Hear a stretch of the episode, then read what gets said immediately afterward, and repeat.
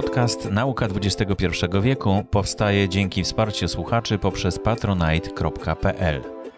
Najhojniejsi z patronów to Kamil Bielówka, Kamila Fornalik, Andrzej Lach, Karolina Gorska, Piotr Prochenka. Tym, którzy dokładają swoją cegiełkę do podcastu, z głębi serca dziękuję, a pozostałych słuchaczy proszę o wsparcie na patronite.pl ukośnik Borys Kozielski. Jeśli tylko uważasz, że ten podcast ma dla Ciebie wartość.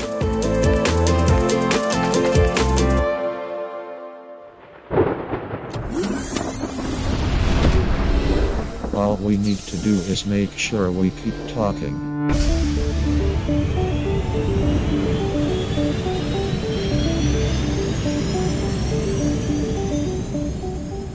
Przy mikrofonie Borys Kozielski, witam serdecznie w kolejnej audycji serii Nauka XXI wieku.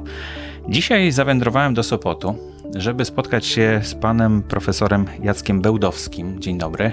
Dzień dobry. Y, który jest geochemikiem i pracuje w Instytucie Oceanologii Polskiej Akademii Nauk, właśnie tutaj w Sopocie.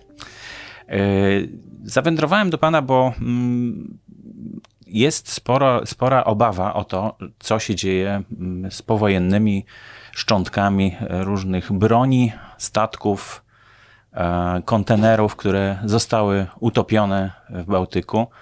No i należy się domyślać, że to może stanowić poważne zagrożenie w najbliższym czasie. Mm, tak jak e, po wojnie mm, odminowywaliśmy tereny e, różne na ziemi tej naszej E, nad wodą, e, na lądzie. I to też trwało bardzo długo. Sporo osób zginęło, sporo saperów e, zginęło przy, przy tym odminowywaniu. Do dzisiaj znajdujemy bomby podczas budowy jakichś, jakichś budynków, wykopów głębszych i też stanowi to poważne zagrożenie. One oczywiście też korodują w ziemi, E, i za jakiś czas też mogą po prostu zacząć stan, jakiś poważny problem stanowić. Natomiast to, co jest pod wodą, to jest trudniejsze do ogarnięcia, tak mi się wydaje, bo, bo na Ziemi no to widać. Chodzimy po tej ziemi, e, znajdujemy różne jakieś e, fragmenty, które trzeba usunąć, a pod wodą to nie bardzo, bo jest głęboko i trudno tam też spojrzeć na to dno, prawda? No, nie jest to e, aż tak proste, no i tutaj już trzeba tego aktywnie szukać, e, ponieważ e, może nie tyle, że trudno się o to potknąć, bo można się o to potknąć, ale to jest jednak dość wąska grupa ludzi, którzy są związani z morzem, którzy na to natrafiali. Natomiast dla szerszej publiczności, dla ogółu, jest to problem taki dość egzotyczny, który jest daleko i w zasadzie przypomina się o nim raz na jakiś czas, a później mhm. zapomina ponownie. Ale przypomina się, bo coś się dzieje złego, czy po prostu ktoś trafi na e, coś? E, przypomina się czasami, bo się coś wydarzy złego. Na przykład e, były wypadki, że rybacy natrafiali na broń chemiczną i dochodziło do poparzeń. Ogółem takich przypadków było ponad 400, począwszy od e, czasu zatopień czy może wyrzuci coś na brzeg. Tego z kolei już nie było od lat 50., ale to się wtedy jeszcze zdarzało. Mhm. E, czy też e, jest to dyskusja e, przy okazji jakiejś dużej inwestycji, która ingeruje w dno morskie, tak jak na przykład była taka ożywiona dyskusja podczas budowy Nord Streamu. Także w takich wypadkach ten problem sobie ludzie przypominają i to zaczyna być dyskutowane szerzej. Natomiast skutki środowiskowe, e, które to wywiera leżąc po prostu, kiedy nie ma żadnych gwałtownych procesów, no to tutaj w zasadzie to jest poza zainteresowaniem ogółu. No tak, ale to jest taka tykająca bomba, bo, bo, bo wiadomo, że grubość powiedzmy tego pancerza, czy czy jakiegoś opakowania tych środków chemicznych, broni chemicznej nawet, tak? Pan mówi, że jest broń chemiczna, to zaraz do tego też Jasne. wrócę. Ale wiadomo, że to po prostu przerdzewieje w końcu, tak, czy, czy skoroduje i wydostanie się z tych, e, z tych e, kontenerów. No, w zasadzie wśród specjalistów są dwie grupy. Jedna jest właśnie od tykającej bomby, a druga jest od jednorożców i tęczy, która wierzy, że to generalnie w, może sobie z tym poradzi i to sobie e, samo zniknie, ponieważ tak naprawdę są dwa równoległe procesy, które zachodzą. Jeden z nich to jest właśnie postępująca korozja i uwalnianie tego do środowiska. Natomiast drugi to jest naturalny rozkład w środowisko. I, e, A, jest... Czyli środowisko może po prostu jakoś to e, tak, zagospodarować. Jak, tak? jak najbardziej, po w odpowiednio długim czasie. I teraz jest kwestia, czy ten wyciek jest na tyle silny, żeby środowisko sobie z tym mhm. nie radziło, E, czy jest na tyle słaby, żeby środowisko sobie poradziło. No i ponadto, czy on będzie rosnąć, czy maleć. Mhm. I tutaj generalnie danych jest na tyle mało, że trudno e, udowodnić tak bezspornie którąś z tych tez, więc jesteśmy jakby cały czas na rozdrożu.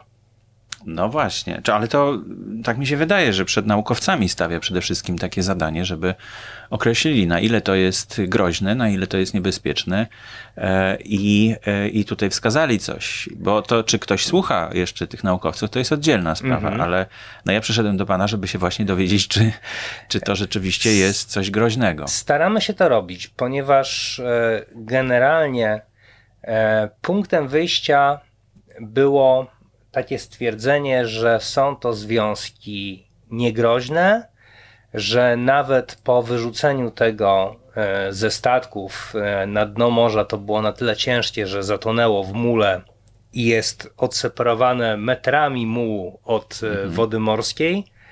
Nawet jeżeli to tam trafiło, to korozja będzie postępować bardzo powoli, ponieważ tam nie ma tlenu. Ponadto nic tam tak naprawdę nie żyje na tych e, głębiach e, bałtyckich, bo to z reguły było w głębokich wodach e, topione, przynajmniej oficjalnie. Więc nawet jeżeli będą jakieś niewielkie wycieki, to po pierwsze może sobie z tym poradzi, po drugie nie ma ryzyka, bo żeby było ryzyko, musi być jakiś odbiorca tego ryzyka, a odbiorcy mhm. nie ma. I taki był punkt wyjścia. Natomiast to jest weryfikowane tak w zasadzie od końca zimnej wojny. E, I okazuje się, że wiele z tych założeń jest błędne, i my się staramy po kolei e, rozprawiać z tymi punktami. Mhm. Nawet e, no, nie po to, żeby udowodnić jakąś teorię tej tykającej bomby, tylko żeby zbadać, jak to naprawdę jest. I jak się okazuje, te obiekty zatopione są znajdowane na powierzchni osadów dennych. Zagrzebane też są, ale są i takie, które leżą na powierzchni. Jak najbardziej korodują e, i jak najbardziej uwalniają się z nich substancje, które albo są toksyczne same z siebie od razu, albo tak mogą. Jak broń chemiczna, tak, właśnie, tak? Tak, jak mhm. broń chemiczna, albo mogą ulec przekształceniu do związków mhm. E, toksycznych, tak jak amunicja konwencjonalna.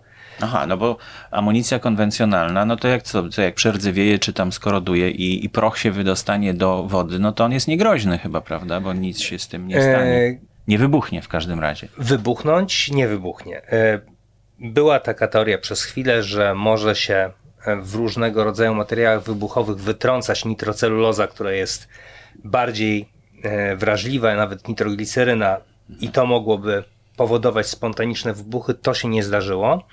Natomiast co się okazało, produkt rozkładu trotylu, a trotylu jest całkiem dużo, e, jest silnie rakotwórczy. Więc e, tutaj się okazało, że jednak ta broń konwencjonalna może mieć wpływ na środowisko, a jest jej dużo więcej niż e, broni chemicznej. No właśnie. Co tak naprawdę leży na dnie tego, tego Bałtyku? A może najpierw zastanówmy się, jak głęboki jest Bałtyk, jak dużo jest tych zasobów, które, czy one są już wszystkie ponumerowane, chorągiewki poustawiane na mapie okay. i powiedzmy, że o, tutaj już wiemy, że skala problemu jest e, taka, że, że należy zatrudnić tyle i tyle jednostek do wyławiania e, tyle i tylu e, ton materiałów, prawda? No, Bałtyk generalnie, jaki duży jest, to widać z mapy.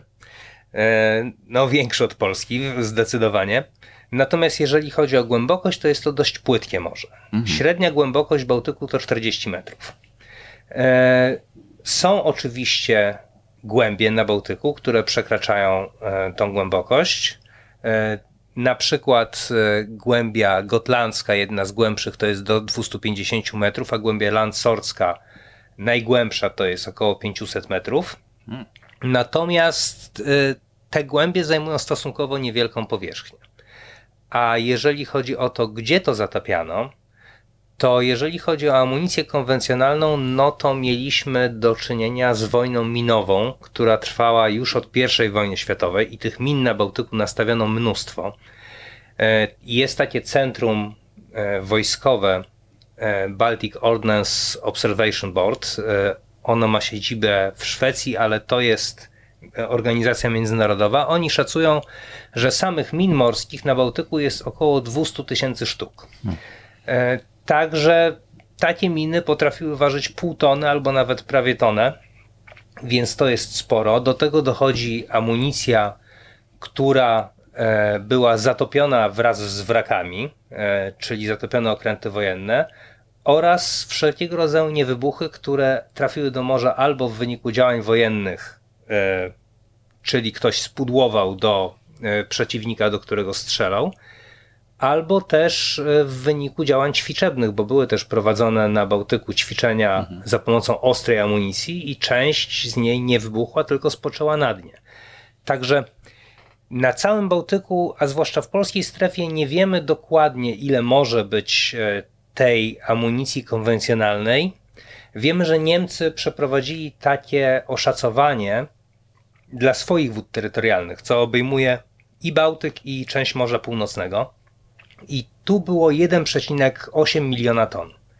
E, Tak było oszacowane ilości amunicji konwencjonalnej leżącej w morzu, więc na Bałtyku może być tego całkiem dużo. Ale na podstawie czego? Na podstawie raportów e, z tych statków? Czy... E, Na podstawie głównie raportów e, historycznych, ale również znalezisk, które były w wyniku skanowania dna w różnych obszarach, czy to przy okazji sporządzania map do inwestycji, czy to w wyniku operacji wojskowych, czy ćwiczeń.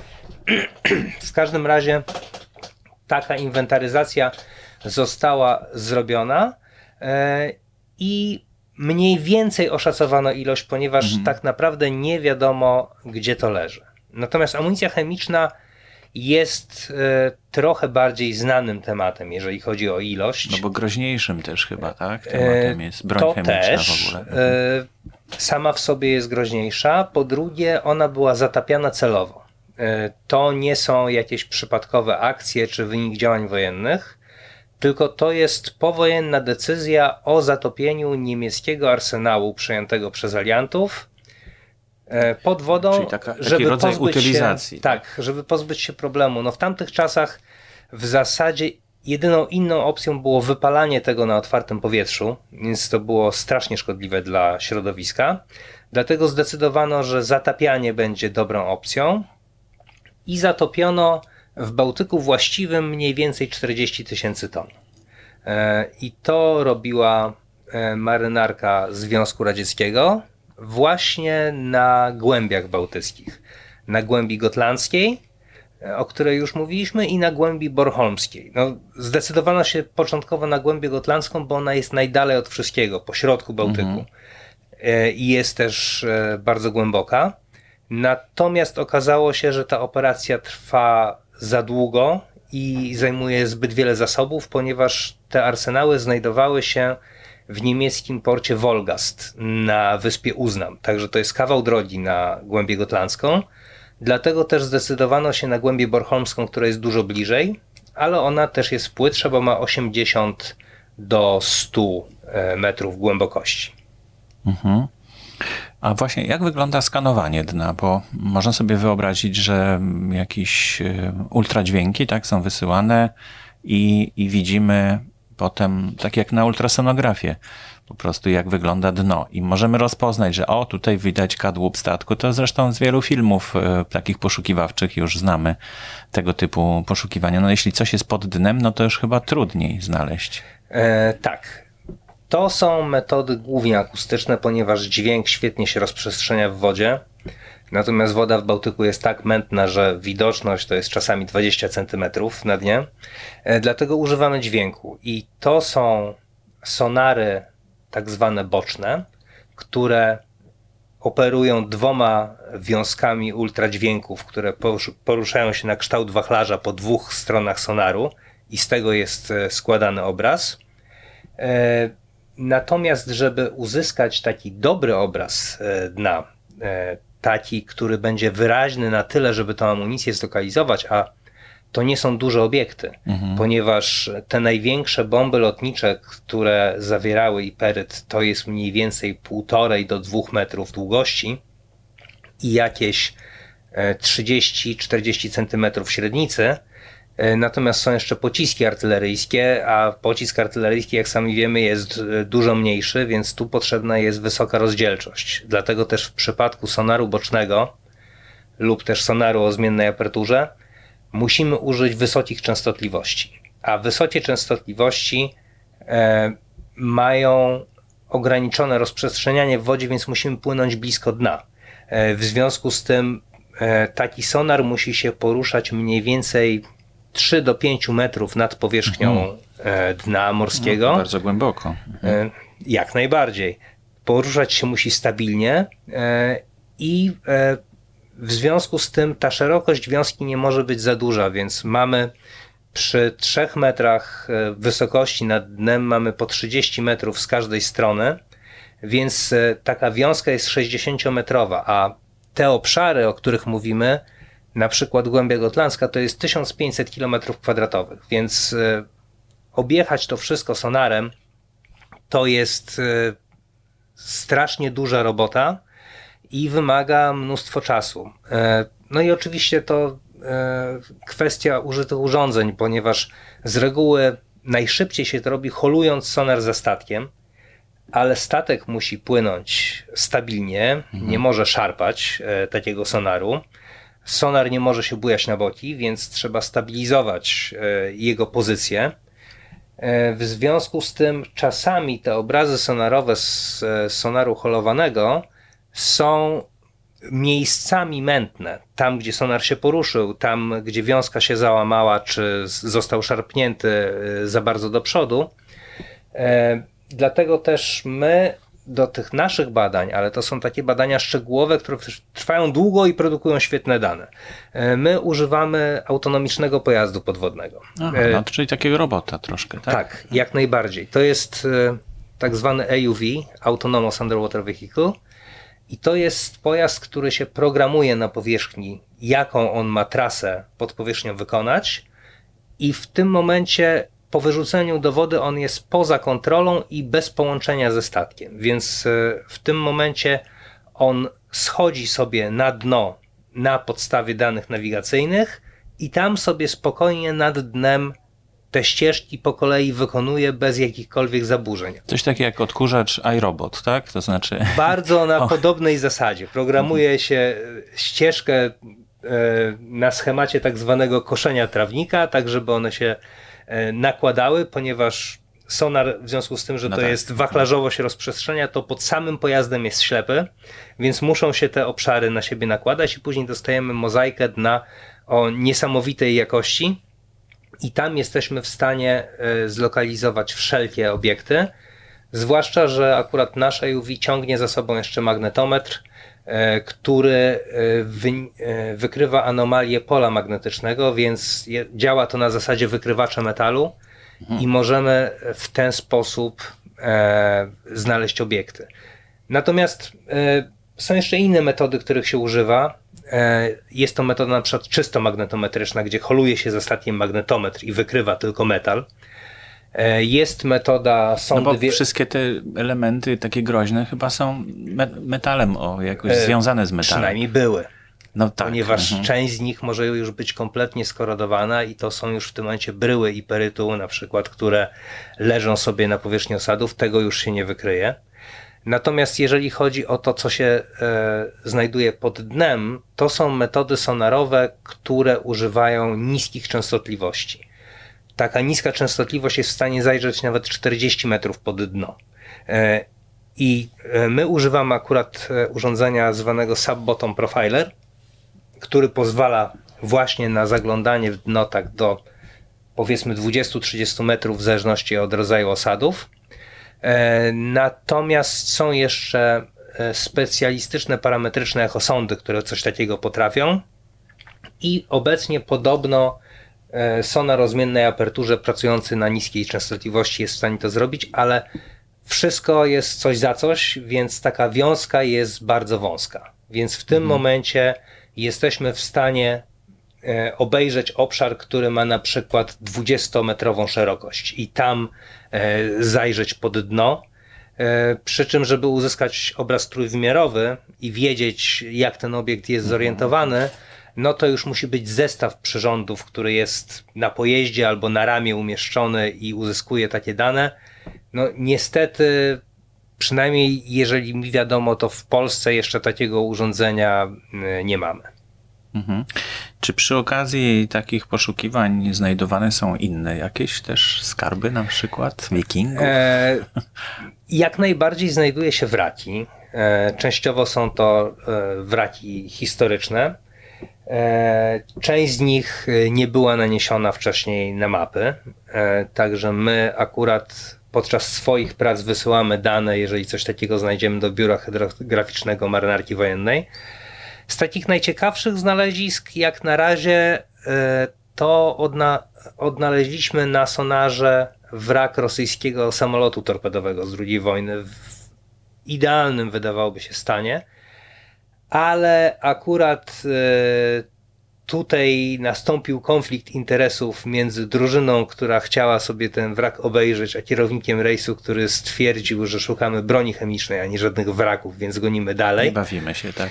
E, tak, i to ja byłem tym kierownikiem rejsu. Trochę żałuję, ale no niestety musieliśmy odnaleźć taką bezsporną obecność broni chemicznej i nie było czasu na misję robota zdalnie sterowanego, który jest na kablu, w związku z tym trzeba no tak. się zatrzymać to zajmuje czasami i dwie godziny opuścić tego robota do wody, więc taka misja robota podwodnego na kablu to jest pół dnia i stwierdziłem, że nie stać nas na pół dnia straty tylko po to, żeby obejrzeć ładny samolot, więc no, mamy go wie, tylko na, wiemy, na gdzie sonarze. Jest, wiemy gdzie jest, tak? I można Jak tam już wrócić do niego -hmm.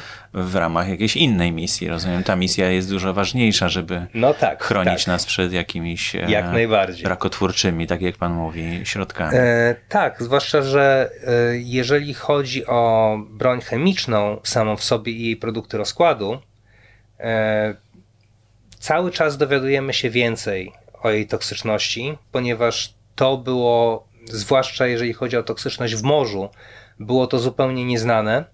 Takich badań e, no nie robiono. Bo to inaczej oczywiście w, w atmosferze ziemskiej się tak. rozchodzi i do, do czego innego jest przewidziane. Na przykład chlor, który był przecież chyba w I wojnie światowej mhm. używany jako broń chemiczna. Nie sądzę, żeby w Bałtyku ten chlor tam gdzieś leżał, ale to raczej by oczyścił, bo baseny się kiedyś czyściło chlorem, prawda? E, generalnie chloru w morzu jest całe góry, ponieważ mhm. E, chlor w wodzie morskiej przechodzi do jonu chlorkowego, który stanowi część soli morskiej.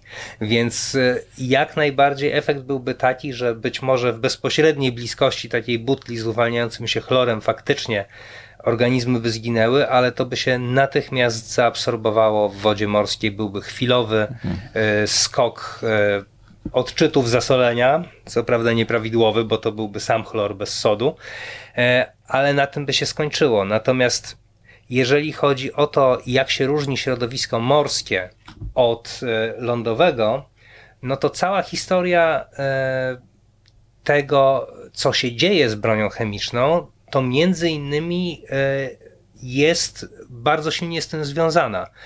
E, to wyglądało w ten sposób, że ludzie, którzy na podstawie dokumentów szacowali, czy broń chemiczna jest zagrożeniem, czy nie jest, spojrzeli na obliczenia teoretyczne i na teorię, która obowiązuje jak najbardziej w środowisku e, lądowym i stwierdzili, że w zasadzie iperyt jest nierozpuszczalny, a iperytu jest tam najwięcej a nawet jeżeli ulegnie hydrolizie, to do nieszkodliwego tiodiglikolu. E, w związku z tym problemu nie ma. E, no i tutaj było coś takiego, że pierwszy taki duży projekt badawczy, który miał się tym zająć, on się nazywał MERCW, Modeling Environmental Risk of Chemical Weapons. Był e, dowodzony przez e, Finlandię, ale zawierał mnóstwo instytucji z całego Bałtyku.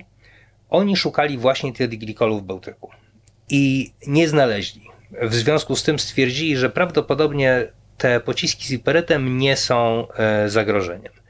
Natomiast w 1998 roku e, nastąpił wypadek, e, w wyniku którego rybacy się poparzyli bryłą iperytu. To był kuter z Władysławowa.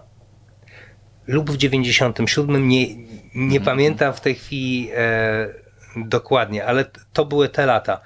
E, I ta bryła iperytu, którą ci rybacy się poparzyli, została zdana w porcie. Znaczy oni ją wyłowili. Tak, tak oni ją wyłowili przypadkiem, trałując za dorszem. I to się zdarza e, raz na jakiś czas, e, jak najbardziej, zwłaszcza w pobliżu tych rejonów zatopień.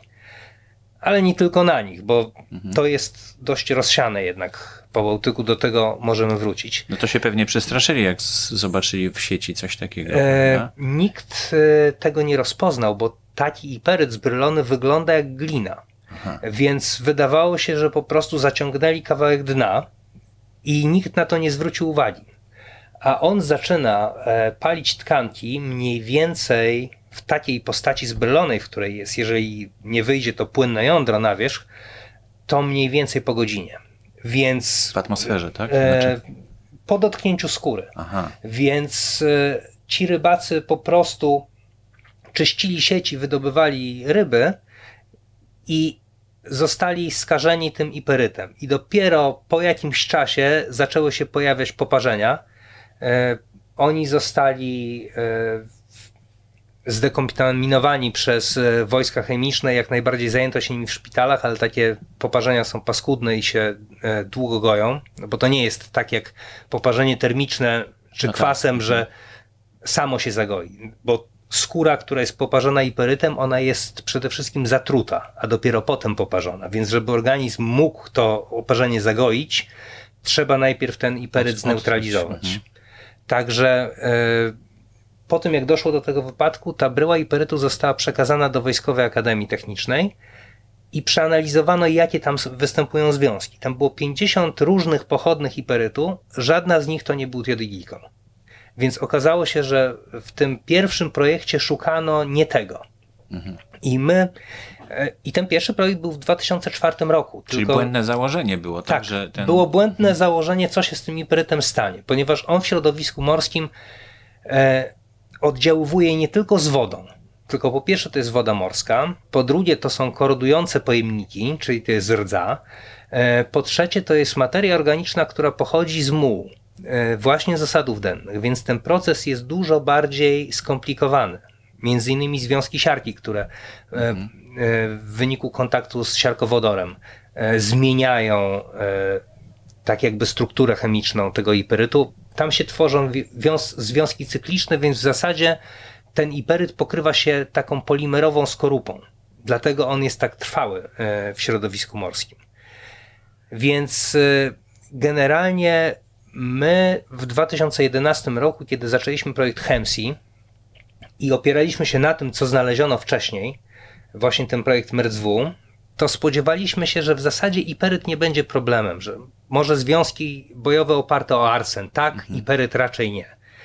Natomiast stwierdziliśmy, że spróbujemy podejść do tego metodycznie i mieliśmy e, w naszym składzie naukowców z VAT-u, którzy właśnie badali tą bryłę i oni zasugerowali całą listę związków, którą powinniśmy zbadać.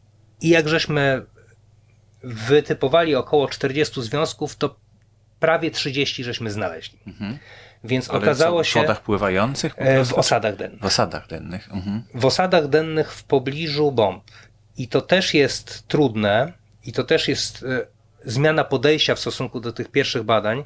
Pierwsze badania były takie, że się płynęło w rejon i co określony dystans brało próbkę dna. Mhm. I szukało, czy są tam pochodne broni chemicznej. Natomiast e, to się rozprzestrzenia nieliniowo. Głównie jest to związane z osadami, a nie z wodą, więc tak jak prądy morskie pójdą i jak e, rozprzestrzenią ten najdrobniejszy muł mm, i przesuną, tak to będzie e, wyglądało. Czyli na przykład w jednym kierunku od bomby ten sygnał może niknąć już po metrze, a w drugim kierunku on jest jeszcze widoczny kilometr dalej. Wszystko zależy od rozkładu prądów e, na dnie. Więc myśmy zaczęli od tego, że uzbroiliśmy takiego zdalnie sterowanego robota w czerpacze i lądowaliśmy jak najbliżej takiej bomby. Rzędu pół metra od. I tam braliśmy próbki. I w e, takich miejscach prawie zawsze, zwłaszcza na tym składowisku bornholmskim, gdzie jest tego najwięcej, e, w 80% przypadków coś było. Jeden lub drugi związek, w zależności od tego, jak to się rozłożyło i e, co tam było na początku w środku. I dopiero później braliśmy próbki oddalone i faktycznie najdalszy dystans, który żeśmy znaleźli e, od bomby, to było 950 metrów. I tam jeszcze żeśmy widzieli ten sygnał, ale tylko w jednym kierunku. W innych e, mhm. ten sygnał niknął po 8 metrach. Także Czyli... skomplikowane. Mhm.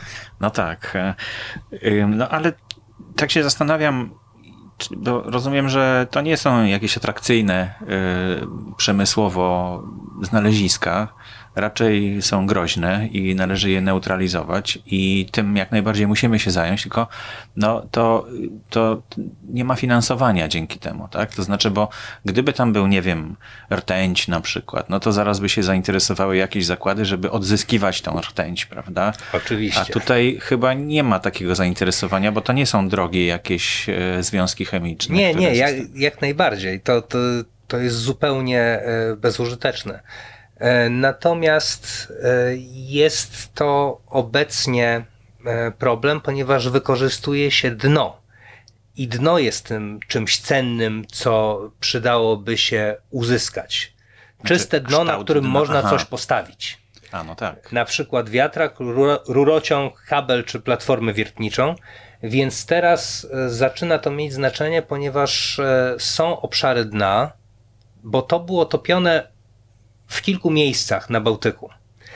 E, taki był plan. Natomiast wiemy, że to było wyrzucane w trakcie, kiedy te statki płynęły, ponieważ załoga chciała się tego problemu jak najszybciej pozbyć. Mhm. Więc to i można to odnaleźć naprawdę w bardzo wielu rejonach Bałtyku wzdłuż tych tras e, statków, które e, to transportowały, na przykład na Ławisy Słupskiej, gdzie buduje się obecnie farmy wiatrowe. Więc w związku z tym zachodzi konieczność jakby rozminowania sobie terenu pod inwestycje, odnalezienia, oszacowania ryzyka, wydobycia. E, no i oczywiście skala problemu sprawia, że to jest trudno zrobić, ponieważ 40 tysięcy ton u nas tylko e, w Bałtyku właściwym, natomiast na Skageraku to jest już 175 tysięcy ton, w Morzu Północnym jeszcze więcej, to może być kilka milionów ton w skali całego świata, no milion ton na pewno. Więc e, tutaj to się robi bardzo drogie przedsięwzięcie e, i myśmy do tego podeszli w ten sposób e, w projekcie, który obecnie robimy. On się nazywa Diamond Decision Aid for Marine Munitions. Stwierdziliśmy, że w związku z tym, że część z tych bomb już wyciekła, część z tych bomb jest zagrzebana w osadzie, a część z tych bomb faktycznie uwalnia się w tak niewielkim stopniu, że, że może sobie z tym tak. radzi. Więc zastanawialiśmy się, ile procent tak naprawdę może być niebezpieczne. I stwierdziliśmy, że nie wiemy. Ale zakładamy mniej więcej, że to może być około 10%. I to od razu 10 razy zmniejsza problem. W związku z tym, żeśmy zrobili e, narzędzie do kategoryzacji ryzyka i wspierania decyzji w ten sposób, że bierze się dane i geofizyczne, czyli pozycję takich obiektów, i stan obiektów, stopień korozji, typ, czyli co jest e, w środku, ale także zanieczyszczenie osadów i wody dookoła, układ prądów, e, czy też wpływ na organizmy morskie, bo taki wpływ e, też badamy. I na podstawie tego jest zbudowana sieć neuronowa, która ma przypisane wagi do e, wszystkich tych parametrów, i na podstawie tego ona sugeruje po pierwsze, czy taki obiekt stanowi zagrożenie dla danego rejonu, e, i dla danej, e, dla danej zabezpieczanej rzeczy, czyli na przykład czy dla rybaków, czy dla nawigacji, czy dla środowiska jako takiego. I szacuje ryzyko, jakie to jest ryzyko dla środowiska i sugeruje mniej więcej, co można by z tym zrobić. Czy można to zostawić, czy trzeba to monitorować, bo to się może zmienić w czasie, czy na przykład powinno się zakazać e, jakiejkolwiek działalności człowieka w tym rejonie, czy też trzeba by to wyciągnąć i zniszczyć. Także e, jest coś takiego zbudowane, działa. To jeszcze dodatkowo pokazuje, czy komplet badań dla tego miejsca jest i jaka jest pewność e, tego wyniku, który uzyskujemy. I w tej chwili przeprowadzamy szkolenia dla administracji morskiej i dla Ministerstwa Ochrony Środowiska krajów bałtyckich, e, żeby nauczyć się ich tym posługiwać. To jest e, w postaci oprogramowania, które jest dostępne e, w, w formie online, podłączone do wszelkich tych możliwych baz danych. I mamy nadzieję, że ludzie zaczną tego używać i na tej podstawie podejmować decyzje. Natomiast Wiadomo, że nie wszystko jest zbadane. To są wycinki, które pochodzą z projektów badawczych, a projekt bada problem, a nie bada obszar. Mhm. Więc e, w związku z tym myśmy na przykład zbadali sonarem niskiej częstotliwości całą prawie głębię gotlandzką, ale tylko po to, żeby wyznaczyć rejony, gdzie będziemy operować z wysoką dokładniej. częstotliwością mhm. i dokładniej. Więc tych rejonów dokładnych nie ma w tej chwili wiele, ale jakby jest cały zestaw metod, jak zebrać te dane w taki sposób, że można było dorzucić do tych baz danych i żeby ten program sobie z tym poradził. Więc mamy nadzieję, że to będzie jakiś taki początek systematycznego podejścia do problemu. Może jeszcze bez wyciągania, ale przynajmniej da to pogląd tym ludziom, którzy podejmują decyzje, przed jakim problemem stoją. Na przykład dowiedzą się, że mają 60 e, obiektów do wyciągnięcia, a 200 obiektów, które mogą spokojnie e, pozostać e, na dnie. I to jest to pierwsze podejście, do którego muszą się zabrać. Także no, mamy nadzieję, że to idzie do przodu. No i oczywiście jest kwestia technologii do wydobycia i zniszczenia. Jest kilka na świecie w tej chwili, to jest cały czas rozwijane. E, mamy nadzieję, e, że to będzie przetestowane. Ponieważ to, że technologia istnieje i gdzieś była użyta, to jeszcze nie znaczy, że można jej użyć od razu. No bo takie wyławianie jak ci rybacy sieciami, to no, chyba, to chyba nie jest dobra metoda. Jak najbardziej. Nasi partnerzy z Rosji w jednym z projektów sugerowali, że no przecież co za problem, weźmiesz trał, z łańcuchami, wyciągniesz wszystko do siatki i, i mamy to. Ale to, to nie jest takie proste. No tak, ale czasy, kiedy mówiło się u nas mnogo ludzi, to już chyba minęły, prawda? Już tam się troszeczkę inaczej na te rzeczy patrzy. I e, właśnie o to chciałem zapytać, bo pan mówi o tej współpracy. Ja rozumiem, że my tutaj ten polski, polską część Bałtyku jakoś tam bardziej monitorujemy i każdy mhm. kraj też jak gdyby dba bardziej o swoje podwórko ale jest taki wspólny projekt, tak, który łączy te wszystkie działania i rozumiem, że te wody terytor pozaterytorialne też mhm. są w jakiś sposób badane. To nawet jest tak, że bardziej jest wspólny niż narodowy. To jest e, w ten sposób, że w zasadzie, jeżeli chodzi o takie systematyczne podejście do swoich wód terytorialnych, to to jest tylko w Niemczech. Oni mają e, projekty swoje państwowe, które zajmują się poszczególnymi aspektami problemu na niemieckich wodach, mają grupę specjalną do inwentaryzacji amunicji i mają jakieś takie połączenie między wojskiem a cywilami, że te dane spływają do jednego miejsca i są analizowane. Natomiast cała reszta Bałtyku to jest tylko badana w wyniku projektów międzynarodowych. I tutaj jest tak, że był ten pierwszy, no przepraszam, jeszcze Rosjanie e, na początku lat 2000 wykonali kilka ekspedycji tylko e, czysto rosyjskich. Natomiast później w 2004 roku projekt MERZW to był projekt unijny. E, Finowie, Duńczycy, Szwedzi i Niemcy, z tego co pamiętam, w nim uczestniczyli. Ja jeszcze w nim nie uczestniczyłem, dlatego znam to tylko z publikacji i od ludzi, którzy w nim uczestniczyli.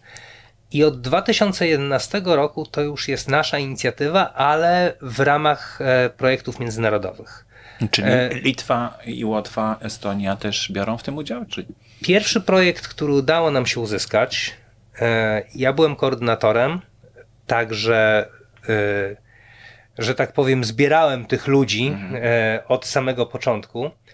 I to była Litwa, Finlandia, Szwecja, e, Niemcy i Polska. To był ten pierwszy projekt. 11 instytucji, nazywał się HEMSI, Chemical Munition Search and Assessment. I on był po to, żeby po prostu sprawdzić, czy ta broń chemiczna tam jest i czy wycieka, mhm. żeby zweryfikować te, te informacje. Drugi projekt już e, zrobiliśmy e, w ramach NATO Science for Peace and Security. E, I to był natowski projekt, on się nazywał MODUM e, Towards the Monitoring of Dumped Munition Threat. E, I tutaj uczestniczyły takie kraje jak Polska, Litwa, Estonia, Rosja, Szwecja, Finlandia i Kanada akurat. Kanada. Mhm. I Włochy. E, chociaż jeżeli, jeżeli chodzi o Włochy, to e, tam e, było to de facto NATO jako takie, ponieważ to było centrum badań podwodnych NATO, które akurat ma bazę w La Spezia we Włoszech. Oni byli partnerami projektu. Natomiast kolejny projekt to był już Daimon i tutaj Ach, jeszcze w ramach modumu jeszcze była Dania, oczywiście. Mm -hmm. e, udało się e, uzyskać tych najważniejszych partnerów, którzy są w pobliżu tego największego składowiska. Natomiast e, w kolejnym e, programie to była Litwa, Finlandia, Niemcy, Polska, Holandia i Norwegia. E, I Szwecja. Także takie bardzo międzynarodowe towarzystwo, mhm. ale akurat skupialiśmy się na Bałtyku, na bałtyckich wodach, głównie na składowisku bornholmskim i gotlandzkim. E, Głębia Gdańska to jest takie mniejsze e, składowisko, które jak zaczynaliśmy, jak jeszcze zaczynał projekt Hemsi, to ono formalnie nie istniało. Mhm. E, były pogłoski, że takie później, składowisko tak? mhm. powinno, być. powinno być, że w 1954 roku marynarka NRD zatopiła nam broń chemiczną mieszaną z konwencjonalną na Głębi Gdańskiej, ale oficjalnie na mapach to była broń konwencjonalna. I dopiero jak żeśmy tam rozpoczęli badania, to okazało się, że jest zagrzebana amunicja w tamtym rejonie i że na powierzchni osadów znajdujemy pochodne broni chemicznej, więc to już jest udowodnione, że to składowisko jest. Także tak to wygląda na Bałtyku, natomiast na świecie e, ten problem jak najbardziej istnieje, ale też nie jest jakoś specjalnie badane. Jest jedna silna grupa na Hawajach, ponieważ tam koło Pearl Harbor był e, duży zrzut broni chemicznej. E, na Morzu Śródziemnym było kilka e, prac, które się ukazały, ale to w ramach włoskich projektów narodowych, to nie były inicjatywy międzynarodowe. I obecnie jest program na Morzu Północnym. Natomiast reszta świata to są pojedyncze prace, które się ukazują e, po prostu w periodykach naukowych, bo ktoś coś zrobił, no prawie że własnym mhm. sumptem, dostał jakiś niewielki projekt lub w ramach innego projektu zbadał projekt, natomiast no to jest moje takie idee fix i nad tym pracuję, żeby to się pojawiło na tym forum chociażby paneuropejskim, a już najlepiej międzynarodowym, żeby zintegrować tych wszystkich naukowców, którzy mieli z tym do czynienia i badają ten projekt w taką grupę, jak jest na przykład ta grupa, która bada zmianę klimatu. Bo jeżeli jest większa wymiana doświadczeń, to w tym momencie e, rozwiązuje się problemy dużo szybciej i dużo bardziej efektywnie. No tak, bo mówił Pan o tym, że sieć neuronowa tutaj jest brana pod uwagę, więc pewnie im więcej danych, tym lepiej, prawda? Oczywiście. Y, to dokładnie tak wygląda, że to są mechanizmy samouczące i w tym momencie, jeżeli dochodzi nawet jeden dodatkowy parametr, ale który jest bezsporny, e, i w tym momencie wiemy, że na przykład poszczególne, poszczególna odpowiedź organizmu, na przykład zmiana e, izotopów azotu w jakiejś tkance, mhm. czy e, zmiana aktywności danego enzymu bezspornie pochodzi od broni chemicznej, to w tym momencie dokładność całego systemu, nawet jeżeli to jest jeden z 50 parametrów, wzrasta dużo więcej niż o 1,50, dlatego że pojawia się dodatkowy wymiar. Mhm. I jeszcze chciałem spytać, bo wspomniał też pan o Nord Streamie, prawda? Takim mhm. gazociągu, który od Rosji biegnie po, po dnie Bałtyku w kierunku y, Niemiec. I on już jest prawie skończony. E, ale czy przy okazji właśnie coś, jakieś badania były prowadzone, czy, czy to taki po prostu projekt? E, który... Badania były prowadzone. No trzeba było sprawdzić, czy to bezpieczne, prawda? Jak najbardziej. I to jest tak, że on jest prawie skończony, ale to już jest druga nitka. Już jedna leży. Mhm. Także teraz mówimy o rurociągu Nord Stream 2. I były prowadzone badania i w przypadku Nord Stream 1, i w przypadku Nord Stream 2 również dotyczące markerów broni chemicznej. Natomiast to były e, badania na zamówienie zlecone przez inwestora i wymagane przez kraje, na których wodach terytorialnych lub wyłącznych strefach ekonomicznych ten rurociąg przebiegał, więc mm, nie były aż tak dokładne, jakby naukowcy chcieli. Mhm. E, ponieważ stwierdzono, że należy zbadać te, te, te i te parametry, i zostało one zbadane, zostały przedstawione wyniki, podjęto decyzję. Natomiast oczywiście nie jest to komplet danych, ale on jest w miarę spójny, ponieważ e, opierano się już na tych e, wynikach projektów badawczych, także zostało to w miarę dobrze e, przeprowadzone. No i nie wiem jak w przypadku Nord Stream 2, ale w przypadku Nord Stream 1 natrafiono 6 razy na broń chemiczną i zdecydowano się, że najprościej będzie te rejony ominąć. W związku z tym mhm. E, po prostu zmieniono trasę rurociągów e, w tamtych rejonach i ogółem ten Nord Stream 1 jest o 200 km dłuższy niż oryginalnie, właśnie dlatego, że omija te e, Obwodnice rejony. takie tak. zrobione są, tak? Jak I, najbardziej. Ale mie miejsca już zaznaczone wiadomo, gdzie będą. Tak, jak najbardziej. No to jeszcze właśnie chciałem zapytać o te miejsca. Czy mapa taka jest jakoś ogólnie dostępna, czy czy to każdy, kto pływa po Bałtyku, może sobie zobaczyć? E, oficjalne obszary, gdzie był zamiar zatapiać, znajdują się na mapach morskich.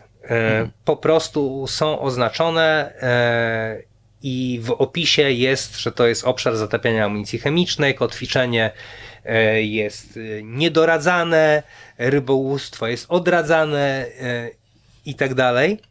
Natomiast trochę lepiej to wygląda na e, stronie Helcomu. Tam już jest to oparte o raporty naukowców. E, jest coś takiego jak Helcom Map Service. Tam można zobaczyć różne dane dotyczące Bałtyku, między innymi dane dotyczące tego, gdzie e, są te rejony zatapiania broni chemicznej oraz gdzie rybacy przypadkiem wyłowili mhm. taką broń chemiczną, gdzie na nią natrafiono. Natomiast to nie są dane kompletne, e, ponieważ e, zawsze jednak ten system jest trochę w tyle za naukowcami, więc my już wiemy nieco więcej. Te dane jeszcze nie są e, ogólnie dostępne, ponieważ są weryfikowane. To jest raz, a po drugie, to jest tak, że gdybyśmy my chcieli wrzucić sonogramy do takiego serwisu, no to w tym momencie one by zajęły mnóstwo miejsca, to są terabajty danych. Jeden e, przebieg e, sonarowy to jest taka dwójpół godzinna misja, to jest około 3 gigabajtów danych, więc e, jak najbardziej zmapowanie całego Bałtyku, no to przekracza możliwości serwerów. Trzeba by już mieć zweryfikowane obiekty, i tylko wprowadzić do, na mapę pozycję takich obiektów. Mhm, no, czyli a... takie Google Maps potem zrobić, tak. warstwę ewentualnie, tak, morską. Jak najbardziej. No, w, może się uda pogadać. E, OpenStreetMap prędzej pewnie. Właśnie z jakimś serwisem mapowym i to umieścić. Jak na razie jest tak, że jest taki e, program, który się nazywa AmuCAD i oni starają się mapować właśnie amunicję i właśnie e, ta firma, która robi Amukat jest partnerem u nas w projekcie i e, właśnie zrobiła ten Diamond DSS, czyli ten system wspierania decyzji i tam właśnie te mapy są mhm. wykorzystywane, także to jest w tej chwili to miejsce, gdzie można by e, sobie obejrzeć, co już wiemy o Bałtyku. Natomiast to już wymaga użytkownika i hasła. Znaczy nie dlatego, że chcemy, żeby to było płatne albo jakoś super tajne, tylko e, po prostu dlatego, że użytkownicy za, zaawansowani mogą dodawać nowe obiekty. Czyli to są ludzie, którzy już są odpowiedzialni za to, żeby znaleźć coś albo zmierzyć jakąś nową daną. Natomiast e, taki użytkownik zwykły jak najbardziej wysyła tylko maila, rejestruje się, dostaje login i hasło i może sobie te dane przeglądać, może nawet wykonywać symulację. Mhm. Czyli taki krok w kierunku otwartości też jest tutaj, rozumiem. Jak najbardziej staramy się iść e, w tą stronę. W tej chwili e, właśnie się zastanawiamy, jak utrzymać ten serwis e, po zakończeniu projektu, żeby było finansowanie na obsługę techniczną. Zobaczymy, jak to zrobimy. Natomiast y, chcielibyśmy to zrobić w ten sposób, żeby uzyskać jakieś wsparcie y, czy z Unii Europejskiej, y, czy z państw, żeby to było jednak darmowe. I wtedy szliśmy, szlibyśmy w kierunku z open source'owania tego kompletnie, żeby cała sieć neuronowa była na powszechnie dostępnym kodzie. Mhm. Y, to jeszcze chciałem, panie profesorze, zapytać o lekturę uzupełniającą. Czy może pan polecić jakąś lekturę? Czy w ogóle są takie książki, które poruszają ten temat? E, jak najbardziej jest książka pana profesora Kasperka, e, która jest jeszcze z lat 90. Ona się chyba wręcz nazywa Broń chemiczna zatopiona w Bałtyku. To jest e, książka po polsku. Natomiast ona oczywiście jest bazowana na wiedzy z lat 90., e, ale jest w bardzo ciekawy sposób napisana. E, natomiast jeżeli chodzi o już taką fachową wiedzę, to wyszło e, coś takiego, co się nazywało HEMSI Findings. To, to jest raport z tego naszego pierwszego projektu HEMSI. On jest po angielsku, ale jest dostępny ze strony projektu. Strona mam, na, mam nadzieję, że jeszcze działa, to jest www.hemsi.eu. W razie czego na stronie www.diamondproject.com też staraliśmy się zdublować e, link e, do tej strony. E, I również istnieje raport Komisji Helsińskiej z 2013 roku, miałem być przyjemność współprzewodniczącym tej grupy, także sporo z tego raportu też napisałem. E, to jest raport Helcom Muni. E, wydaje mi się, że to jest Baltic Sea Environmental Proceedings e, numer 94, ale się nie założę. Natomiast jeżeli wejdzie się na, stronie Hel na stronę Helcomu i kliknie zakładkę Publications i poszuka się broni chemicznej albo mhm. Muni, to jak najbardziej to jest pierwszy wynik, e, który się No ja, ja się postaram poszukać, ale też prosiłbym pana profesora o, o, podsunięcie takich linków, które będą w notatkach do dzisiejszej audycji. E, jak najbardziej e, postaram się znaleźć to, co jest powszechnie dostępne i takie popularno-naukowe i takie już bardziej czysto naukowe publikacje. Ale są no tak jak to Hemsi Findings to jest takie pośrednie, gdzie powołujemy się co prawda na twarde dane naukowe, ale staramy się to wytłumaczyć tak, żeby fizyk zrozumiał chemika, a chemik fizyka, e, więc e, sądzę, że dla ogółu publiczności też będzie to zrozumiałe. No tak, bo tutaj też współpraca interdyscyplinarna jest e, konieczna. O, jest bardzo duża. Mamy toksykologów, biologów, geofizyków, fizyków morza, takich czystych oceanografów, którzy zajmują się na przykład modelowaniem, jak to się mhm. wszystko rozpływa, chemików, analityków, e, chemików wojskowych e, i geochemików, tak jak ja. I sprawienie, żeby wszyscy rozumieli, co piszą drudzy, to jest no tak. całkiem osobne wyzwanie. Dlatego e, wydaje nam się, że całkiem dobrze nam szła komunikacja e, i z mediami, i z politykami, ponieważ byliśmy już przyzwyczajeni, że trzeba koledzy fizykowi to wytłumaczyć tak, żeby to zrozumiał, więc e, w tym momencie staraliśmy się mówić mhm. prosto. Mhm. No dobrze, to chyba wszystko. Nie wiem, może nie zadałem jakiegoś pytania, a jest jakiś temat, o którym warto powiedzieć jeszcze? E, generalnie, jeżeli chodzi o przyszłość e, tego zagadnienia, wydaje mi się, że idziemy w dobrym kierunku, ponieważ te starania przez lata zaczynają powoli przynosić efekty. Jest inicjatywa parlament, konferencji międzyparlamentarnej Morza Bałtyckiego, gdzie parlamentarzyści z różnych rejonów Bałtyku się spotykają i razem podejmują różne rezolucje. E, tam toczy się obecnie dyskusja nad tym, żeby stworzyć taki dobrowolny fundusz, do którego by się składały poszczególne kraje, który miałby pójść na wdrożenie technologii do usuwania e, właśnie broni chemicznej i jej przetestowanie. Być może jakieś pierwsze wyciągnięcia.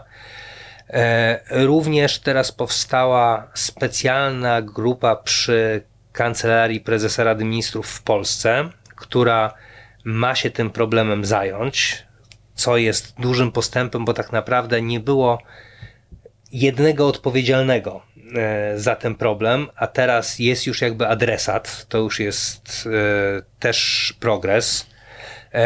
Polska jako pierwsza zadeklarowała, przynajmniej to jest procedowane, że w nowym programie monitoringu Morza Bałtyckiego wód polskich mają być ujęte przynajmniej niektóre markery broni chemicznej. To byłby pierwszy taki monitoring państwowy na świecie.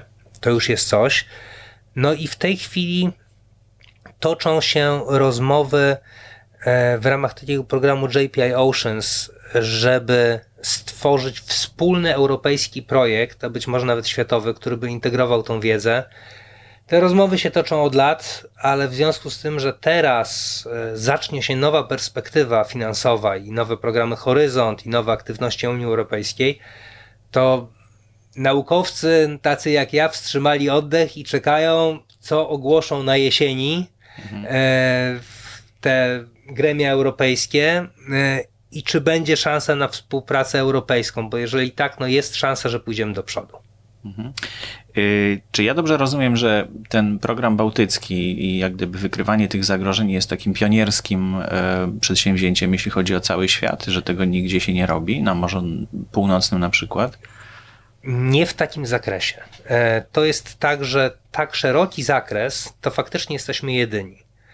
Morze Bałtyckie jest takim światowym poligonem, można powiedzieć, jeżeli chodzi właśnie o problem e, broni chemicznej ponieważ nawet te duże programy ze Stanów, e, z tam z Hawajów, które to robiły, jak oni przyjechali na naszą konferencję, to byli zachwyceni i stwierdzili, że generalnie oni się nie spodziewali, że oni są tak bardzo do tyłu, jeżeli chodzi hmm. o swoje programy, że nikt tego nie bada u nich aż tak interdyscyplinarnie, że patrzy i na zdrowie organizmów morskich, i na markery genetyczne, bo też e, część z tych substancji jest genotoksyczna i na rakotwórczość, na podstawowe toksyczności, rozprzestrzenianie się w środowisku.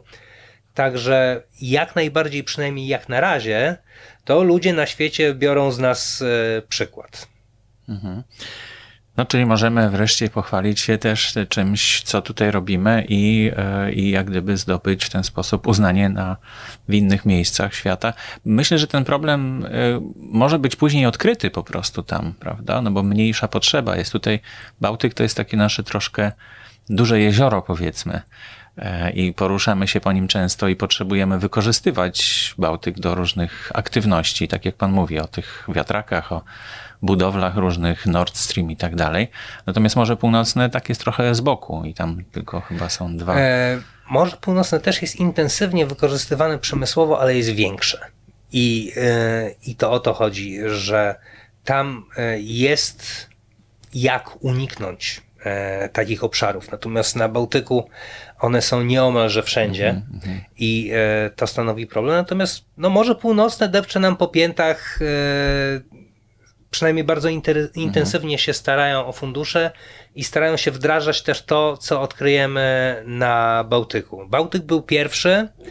E, miejmy nadzieję, że to teraz pójdzie na cały świat i że później okaże się, że na Morzu Północnym czy na Morzu Śródziemnym odkryją coś, co nam pozwoli bardziej zgłębić te problemy bałtyckie. Jak na razie to my pomagamy im, ale mam nadzieję, że w końcu oni zaczną pomagać nam.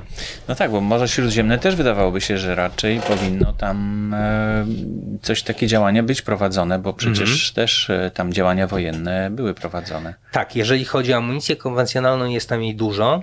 Natomiast jeżeli chodzi o amunicję chemiczną, to jest tam jedno miejsce. E, I to jest bardzo ciekawa historia, ponieważ e, to są pobliża portów Bari.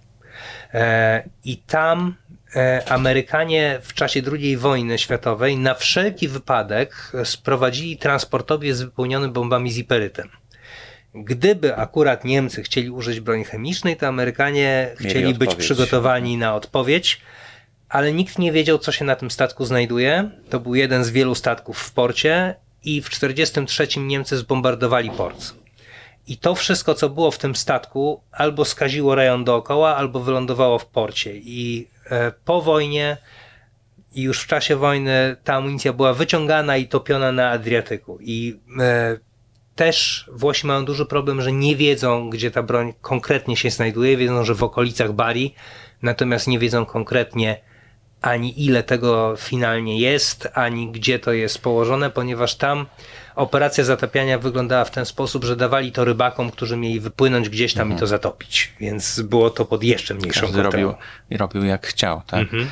Y, a y, jeśli chodzi o Morze Śródziemne, ono jest głębsze od Bałtyku? Jest zdecydowanie e, głębsze i e, bardziej zasolone. Także e, wygląda to w ten sposób, że z jednej strony jest e, głębsze, więc jest większa objętość wody, natomiast z drugiej strony większe zasolenie sprawia, że jest tam dużo większa bioróżnorodność e, organizmów morskich, więc taki system może być bardziej odporny na skażenie mhm. niż Bałtyk, gdzie mamy wody słonawe i tych organizmów, jeżeli chodzi o e, taksony, nie jest tak dużo.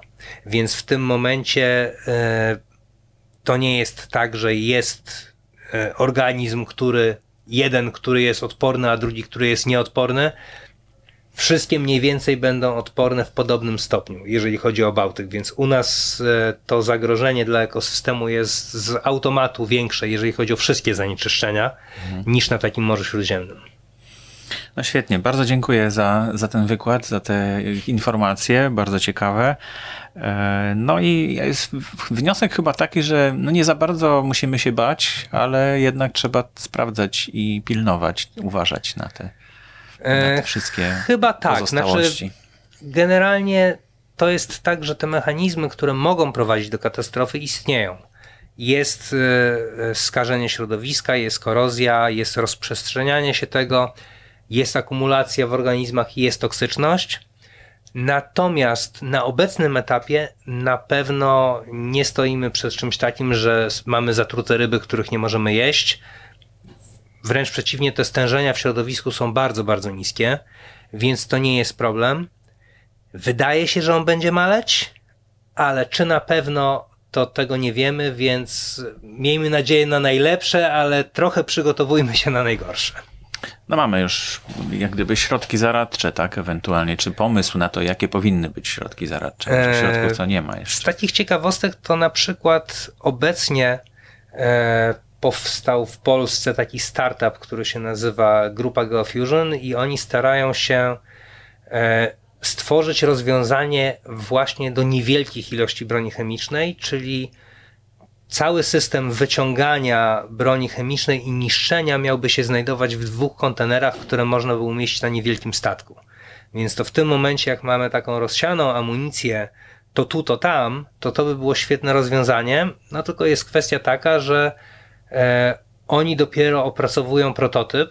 Ja im kibicuję i mam nadzieję, że ten prototyp zostanie przetestowany jakoś niebawem i zobaczymy, czy to działa.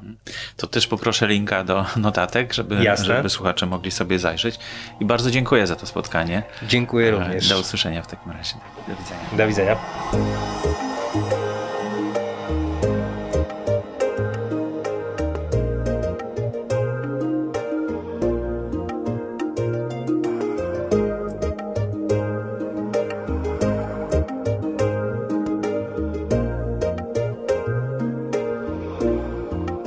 Jeszcze nie koniec audycji. E, postanowiłem na koniec, e, już po rozmowie, którą nagrywam zawsze i ona była taką najważniejszą treścią audycji, podzielić się z Wami jeszcze kilkoma myślami i kilkoma listami. Z tym, że ostatnio po poprzedniej audycji, która no już miesiąc temu ponad była opublikowana, e, przybyło ponad 15 patronów, z czego się bardzo cieszę i bardzo dziękuję za to.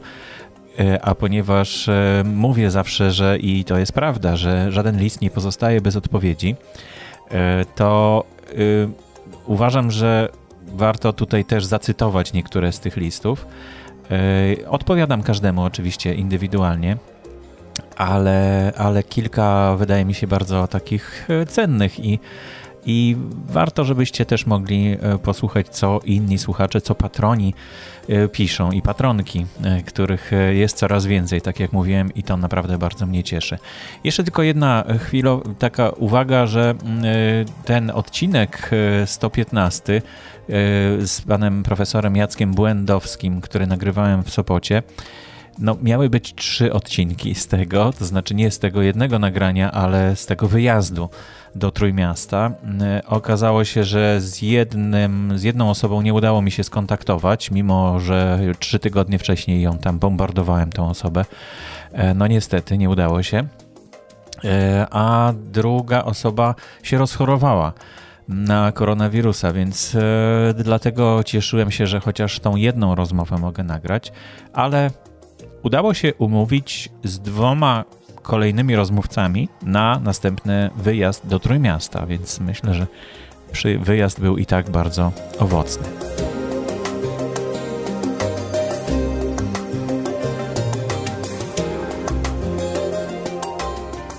Na początek przygotowałem taki list, który naprawdę zawsze jak o nim pomyślę, to wraca mi uśmiech na twarzy, bo, bo jest to coś niesamowitego. Ja kiedyś już Wam mówiłem, że yy, został patronem poprzez swojego wujka, yy, jeden ze słuchaczy. I jest on yy, no, takim bardzo młodym człowiekiem, bo uczy się w technikum. I i tak myślałem, że to, a, to jakiś przypadek, bo to rzadko się zdarza, żeby młodzi ludzie słuchali podcastów w ogóle a szczególnie naukowych. E, tak mi się wydawało przynajmniej. A tutaj proszę bardzo, Justyna e, napisała, jest e, w trzeciej klasie liceum i pisze tak. Dzień dobry. Otóż historia wyglądała tak. W ogóle to ja każdemu patronowi, który przybywa, zadaję pytanie, jak to się stało, że zaczął słuchać moich podcastów, bo jestem bardzo tego ciekaw i, i właśnie to jest też taka odpowiedź na to moje pytanie. E, otóż historia wyglądała tak, że już nie mogłam wytrzymać słuchania muzyki. Postanowiłam więc posłuchać podcastu. Ale niektóre były nie do słuchania. Przeglądałam więc Spotify i szukałam podcastów naukowych. Bardzo lubię poznawać świat. Uważam, że jest to bardzo ważne i ciekawe. Poza tym, a nuż przyda się na maturze. Ponieważ tematy korespondowały z moimi tematami na biologii, jestem w trzeciej liceum, Pomyślałam, że warto posłuchać. I naprawdę było. Uznałam więc, że muszę zostać pana patronem. To, co pan robi, jest naprawdę super. Mam nadzieję, że w przyszłości, jak będę więcej zarabiać, będę miała okazję bardziej pana wesprzeć. Nie wiem, czy pan lubi poznawać swoich patronów, ale miło jest czasem wiedzieć, kto jest po drugiej stronie. Jestem harcerką i lubię wyszywać. A teraz czas mi umilają podcasty. No, przyznacie, że coś fantastycznego. Dziękuję Ci, Justyna.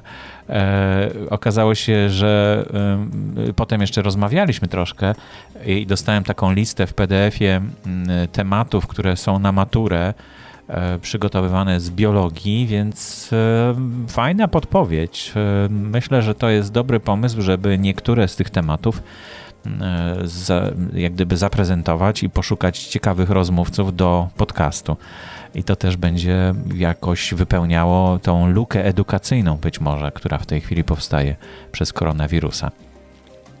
Ale też wykorzystaniem tych możliwości, o których rozmawialiśmy w jednym z podcastów, czyli e, no, takiego właśnie mm, kontaktu mm, trochę innego niż zwykle i trochę dokładniejszego, myślę.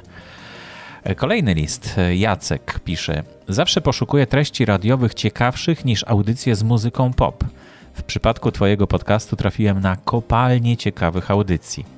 Bardzo spodobał mi się podcast o oftalmogenetyce. Ów podcast został poprzedzony wezwaniem do ustanowienia stałej wpłaty, co bez większego wahania zrobiłem, ponieważ uważam, że byłoby fantastycznie, gdybyś mógł skupić się na nagrywaniu równie ciekawych audycji.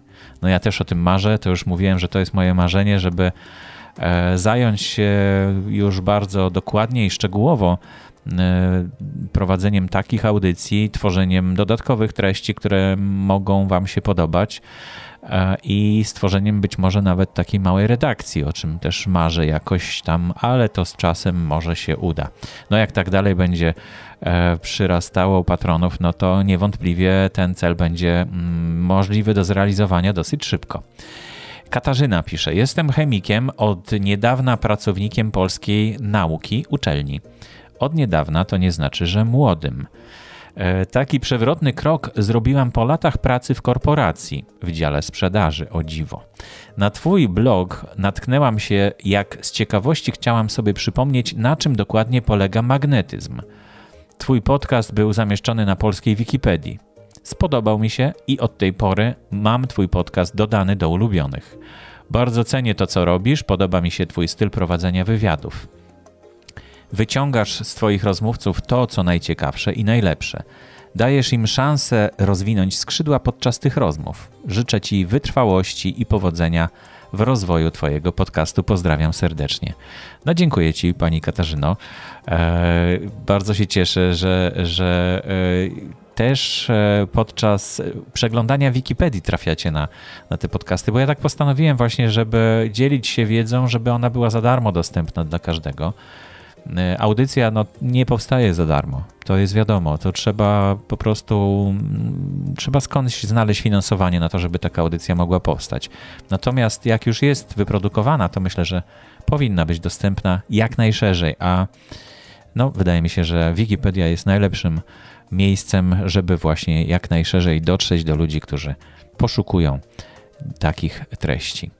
Andrzej pisze: Cieszę się, że mogę pomóc. W zasadzie mm, to tak sobie myślałem, że Cię zapytam, dlaczego 50 zł to najwyższy próg.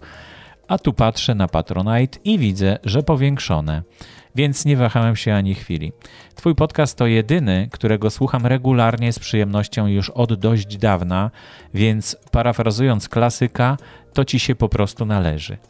Mam nadzieję, że te okromne, te skromne parę złotych może pomoże Ci rozwijać kanał, bo uważam, że takie treści powinny mieć jak najszersze grono odbiorców. Fajnie by było, gdybym e, mógł sobie posłuchać nowego podcastu co tydzień. Akurat robię prasowanie co tydzień, więc nowy odcinek by się przydał. Może kiedyś, jak przyłączą się inni słuchacze i patroni. E, no tak właśnie myślałem. E, patronów w tej chwili, jak patrzyłem na Patronite, jest 110 e, i to jest mniej więcej poniżej 1,1% słuchaczy. Dlatego gdyby każdy rzeczywiście mm, te swoje 3 zł dorzucił, no to, to w, w ciągu tego raz na tydzień byłaby audycja, to wam gwarantuję. Także bardzo się cieszę, bardzo dziękuję, bo Andrzej tutaj wspiera mnie kwotą 100 zł. Dla mnie to jest astronomiczna kwota, dlatego przez długi czas nie było tego progu. Ale jedna ze słuchaczek e, zapytała się: Słuchaj, dlaczego u ciebie nie ma wyższych progów niż 50 zł? Bo są inne podcasty, które e, mają takie progi, mają po kilku e, patronów w tych wyższych progach. No więc zrobiłem i okazało się rzeczywiście, że, że to dobry ruch, bo niektórzy z Was, drodzy patroni, chcą po prostu wesprzeć audycję w zamian za tych, którzy nie mogą, e, albo ze względów technicznych, albo nie mają po prostu kasy, nie mają nastroju na to, żeby wesprzeć e, tą audycję. I dzięki, dzięki tym większym wpłatom, jak gdyby wypełniacie tą lukę tych, którzy, którzy tego po prostu nie robią. Ale myślę, że, że to fajnie taka wspólnota powstaje, bardzo ciekawa społeczność wokół tej audycji. E, to jest dla mnie nowe doświadczenie, ale uczę się pilnie. Krzysztof napisał. W aplikacji Spotify wyszukiwałem najpopularniejszych podcastów o tematyce naukowej i tak trafiłem na Twoją pracę, której uznanie i wsparcie wyrażam wpisując się do grona patronów. Zawodowo zajmuję się informatyką i teleinformatyką, niemniej jednak moje zainteresowania wykraczają poza te, te dziedziny. W mojej sytuacji e, podczas słuchania podcastów e, najistotniejszymi zaletami słuchania podcastów jest możliwość cofnięcia się i ponownego, ponownego odsłuchania fragmentu podczas słuchania, którego zdekoncentrowałem się. Tak, to jest, to jest taka rzecz, e, o której rzadko mówimy, ale radio mm, przez swoje takie towarzyszenie przez wiele lat nauczyło nas, że to jest takie medium towarzyszące i właściwie no może sobie grać, prawda? I nie można cofnąć. Natomiast podcasty przekazują treści, które nie są towarzyszące. Znaczy, akurat ten mój na przykład podcast jest taki, że raczej nie słuchają go osoby, które traktują go jako medium towarzyszące, jako coś, co gra tam sobie w tle. I taka możliwość właśnie cofnięcia jest po prostu niesamowita, bo ja też się dekoncentruję czasem. E, jadąc samochodem, no, różne rzeczy się dzieją i trzeba się skupić na czymś innym niż słuchaniu e, audycji, i wtedy zawsze można cofnąć bardzo łatwo, jeśli korzysta się z czytnika. Krzysztof pisze dalej. E, w dobie dziennikarstwa naukowego w wielu popularnych serwisach informacyjnych, które nakierowane są na spłycony przez dziennikarzy przekaz i tak sformułowany, by już od chwili przeczytania tytułu wpływał w maksymalnym stopniu na emocje, często wykorzystując mechanizm niedopowiedzeń, gdzie kwestie merytoryczne pozostają drugorzędne, Twój projekt jest niezwykle cenny i dobrze by było, gdybyś ty i tobie podobni byli w stanie zaistnieć naprawdę, dla naprawdę szerokiej społeczności. Skutkiem naukowego dziennikarstwa niedopowiedzeń bardzo często jest wzmaganie teorii spiskowych i fobii społecznych. Niestety z takim przekazem mogą poradzić sobie osoby, które już mają wystarczający zasób wiedzy lub wykazują zdrową naukową ciekawość. Zjawiska społeczne z tym związane są niezwykle ciekawe i kształtują nasze środowisko i kulturę. Taki jest ten świat. Niemniej jednak, im bardziej będzie, im więcej będzie zdrowego, umiarkowanie przystępnego i wielopłaszczyznowego podejścia do przekazu naukowego dla społeczeństwa, tym mniej będzie ekstremalnych zjawisk pseudonaukowych, społecznych zjawisk o podłożu pseudonaukowym. Wpisujesz się doskonale w tą misję. Dziękuję. I na koniec e, Krzysztof jeszcze tutaj dodał cytat, który mm, tak pozwoliłem sobie przetłumaczyć. Łatwiej jest rozbić Pluton niż głupotę ludzi. Albert Einstein. No bardzo, bardzo ciekawe. To tak e, trochę zahaczyłeś tutaj o socjologię. Ja zdawałem e, na studia pierwszy raz, jak wybrałem sobie kierunek, no to no to drugim, nie trzecim kierunkiem, który, który zdawałem, była socjologia.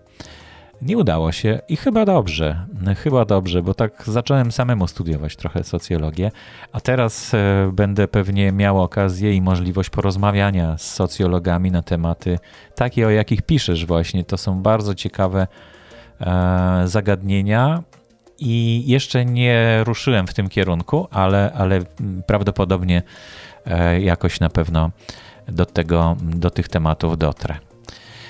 Dorota napisała: Witam.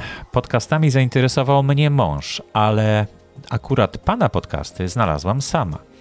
Są wyjątkowo interesujące i wyjaśniają wiele rzeczy w sposób dostępny dla przeciętnego śmiertelnika. Słucham z reguły na nocnych zmianach pracy, ale i w domu.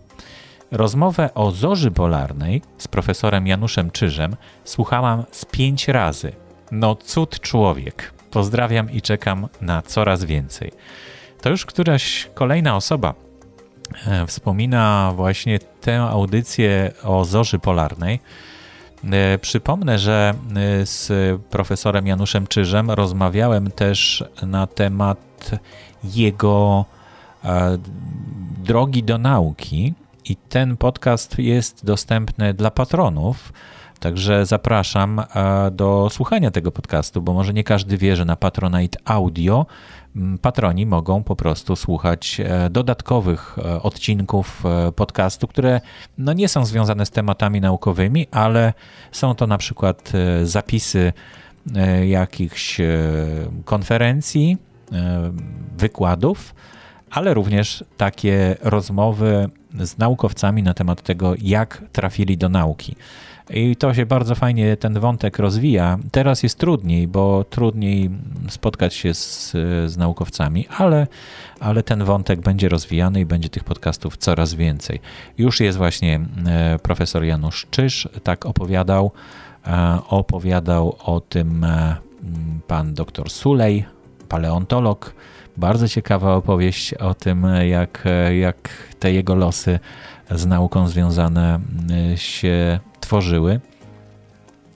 No i mój tata, Marian Kozielski, też opowiadał rzeczy, o których ja też nie miałem pojęcia wcześniej, także e, no naprawdę warto myślę, że posłuchać tych, tych audycji dodatkowych. Adam, kolejny list pisze: Cześć Borys. Chciałbym, żebyś wiedział, że jesteś pierwszym twórcą, którego wsparłem w ten sposób, to znaczy korzystając z platformy Patronite. Potraktowałem to wsparcie trochę testowo, dlatego e, jest takie skromne, ale jestem zdecydowany wesprzeć Cię większą kwotą w najbliższym czasie, ponieważ uważam, że robisz niesamowitą robotę i Twój wkład w, popularyza w popularyzację nauki jest nie do przecenienia. Jestem z tego pokolenia, które pamięta sondę. No ja też pamiętam. I panów Kurka i Kamińskiego. To od nich zaraziłem się bakcylem ciekawości otaczającego świata i chęcią zgłębienia tajemnic nauki na miarę moich skromnych możliwości, oczywiście. Gdyby nie oni, być może nie zainteresowałbym się nauką i techniką i nie został inżynierem IT, ślęczącym nad komputerem bywa i 10 godzin dziennie i nadal w wieku 45 lat być może cieszyłbym się świetnym wzrokiem. No, raczej nie, to chyba nie od tego zależy. Tak e, na to wskazuje wiele wiele rozmów, które przeprowadziłem już z naukowcami. Też zresztą od 45 roku, mm, od 40 roku pogarsza mi się wzrok, ale już tak no, nie za bardzo teraz.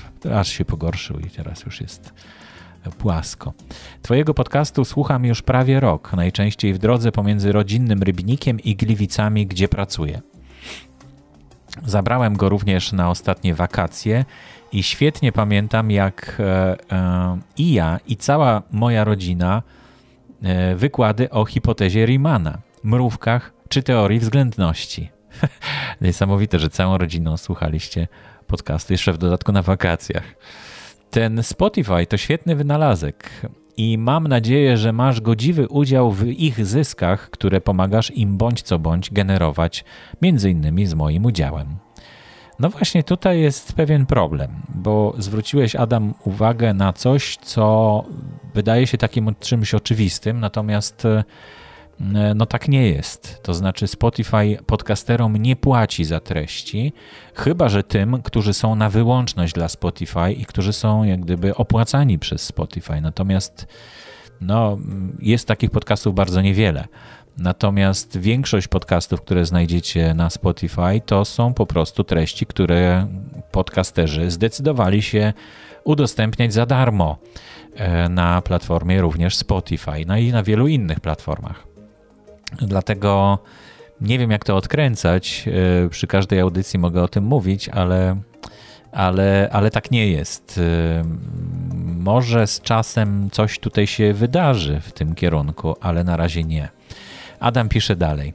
Myślę, że wsparcie niezależnych twórców i mediów w tym trudnym dla Polski czasie jest szczególnie ważne, dlatego nie będę stał z założonymi rękami i tak jak mogę postaram się wesprzeć te źródła wiedzy o świecie, które uważam za wartościowe.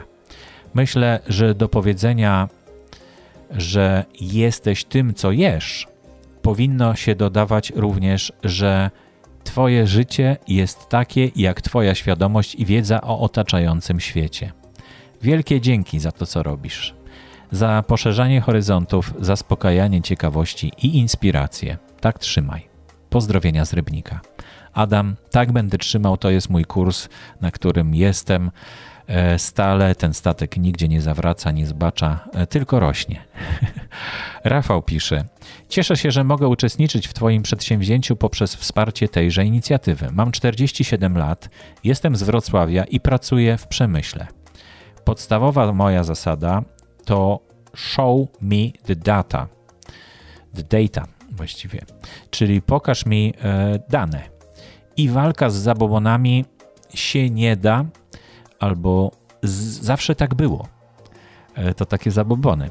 E, podziwiam ideę krzewienia naukowego podejścia, szczególnie obecnie w dobie zabobonów, manipulacji i wdzierania się dogmatów religijnych do życia społecznego i gospodarczego. Dziękuję i proszę o więcej. No, e, to o czym piszesz, to rzeczywiście też to taka misja, która jest jak gdyby obok tego, co robię, i ona się też jak gdyby realizuje w ten sposób poprzez dostarczanie wiedzy, po prostu też e, powodujemy, że, że, że coraz więcej jest ludzi myślących po prostu i coraz mniej głupoty w otaczającym nas świecie. I, I, no, bardzo się cieszę, że, że to widzicie i że doceniacie. To był ostatni już list, który tutaj e, zacytowałem. Oczywiście te listy nie są czytane w całości. Nie wszystkie, bo e, no, muszę wybrać. E, ale mimo wszystko myślę, że taki, taki segment audycji bardzo jest potrzebny. Ja bardzo się cieszę, że, że mam nowych patronów, że ich tak dużo przybywa że odpowiadacie na moje listy i pytania i że wspieracie moją audycję i moją misję. Dostaję też informacje o tym, że wcale nie jest tak łatwo wesprzeć e, poprzez Patronite nawet e, tą audycję, bo no trudno jest, e, jak, szczególnie jak nie macie konta w banku, które są tutaj w Patronajcie mm, dostępne. Natomiast jest PayPal. To jest bardzo ciekawe, że, że też przez PayPal można e, wpłacać pieniądze. No i to, co udało mi się zatrzymać, czyli to, że jest najniższy próg, już w tej chwili nie ma takiego progu na Patronite, bo wystarczy 3 zł miesięcznie, e, żeby zrobić sobie taki test wsparcia możecie po prostu potraktować to jako coś, jako doświadczenie, zobaczyć, czy to się uda, jak to się uda i 3 zł miesięcznie, no to nie jest naprawdę dużo. To już nawet chyba nie wiem, czy cokolwiek można kupić za to, za te 3 zł. Oprócz tego, że można kupić sobie fantastyczną audycję.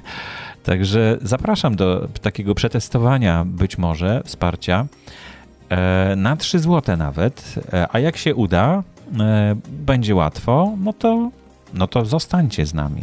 Zostańcie z nami, drodzy patroni, e, i e, razem stworzymy coś wspaniałego, myślę. E, a już się tworzy.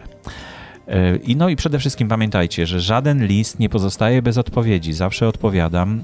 I tutaj podam pierwszy raz taki nowy mój adres, nie na Gmailu, który założyłem specjalnie na potrzeby mm, Patronite'a, żeby sobie poradzić z, tymi, z tą całą korespondencją, bo to nie jest takie łatwe. I adres e, wygląda w ten sposób: Borys K, pisane razem, małpa tutanota.com.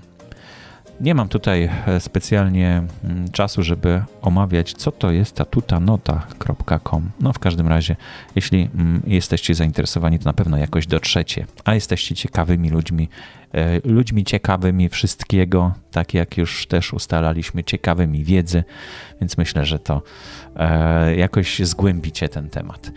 No to wszystkie listy w takim razie, którymi chciałem się z Wami podzielić.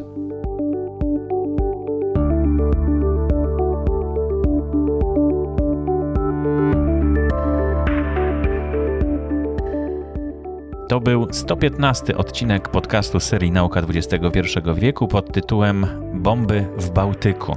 Zapraszam na stronę podcastu na Facebooku mm, facebook.com ukośnik Nauka XXI wieku e, pisane e, rzymskimi literami. Mój podcast istnieje od 2010 roku. RSS i linki do subskrybowania znajdują się na stronie pod.link ukośnik nauka oraz w notatkach podcastu. Wszystkie odcinki podcastu, także te przeznaczone wyłącznie dla patronów, dostępne są w Patronite Audio. Zapraszam do słuchania moich innych podcastów, których lista znajduje się na stronie podcasty.info ukośnik Borys Kozielski. Podcasty pisane przez K. Dziękuję bardzo i do usłyszenia.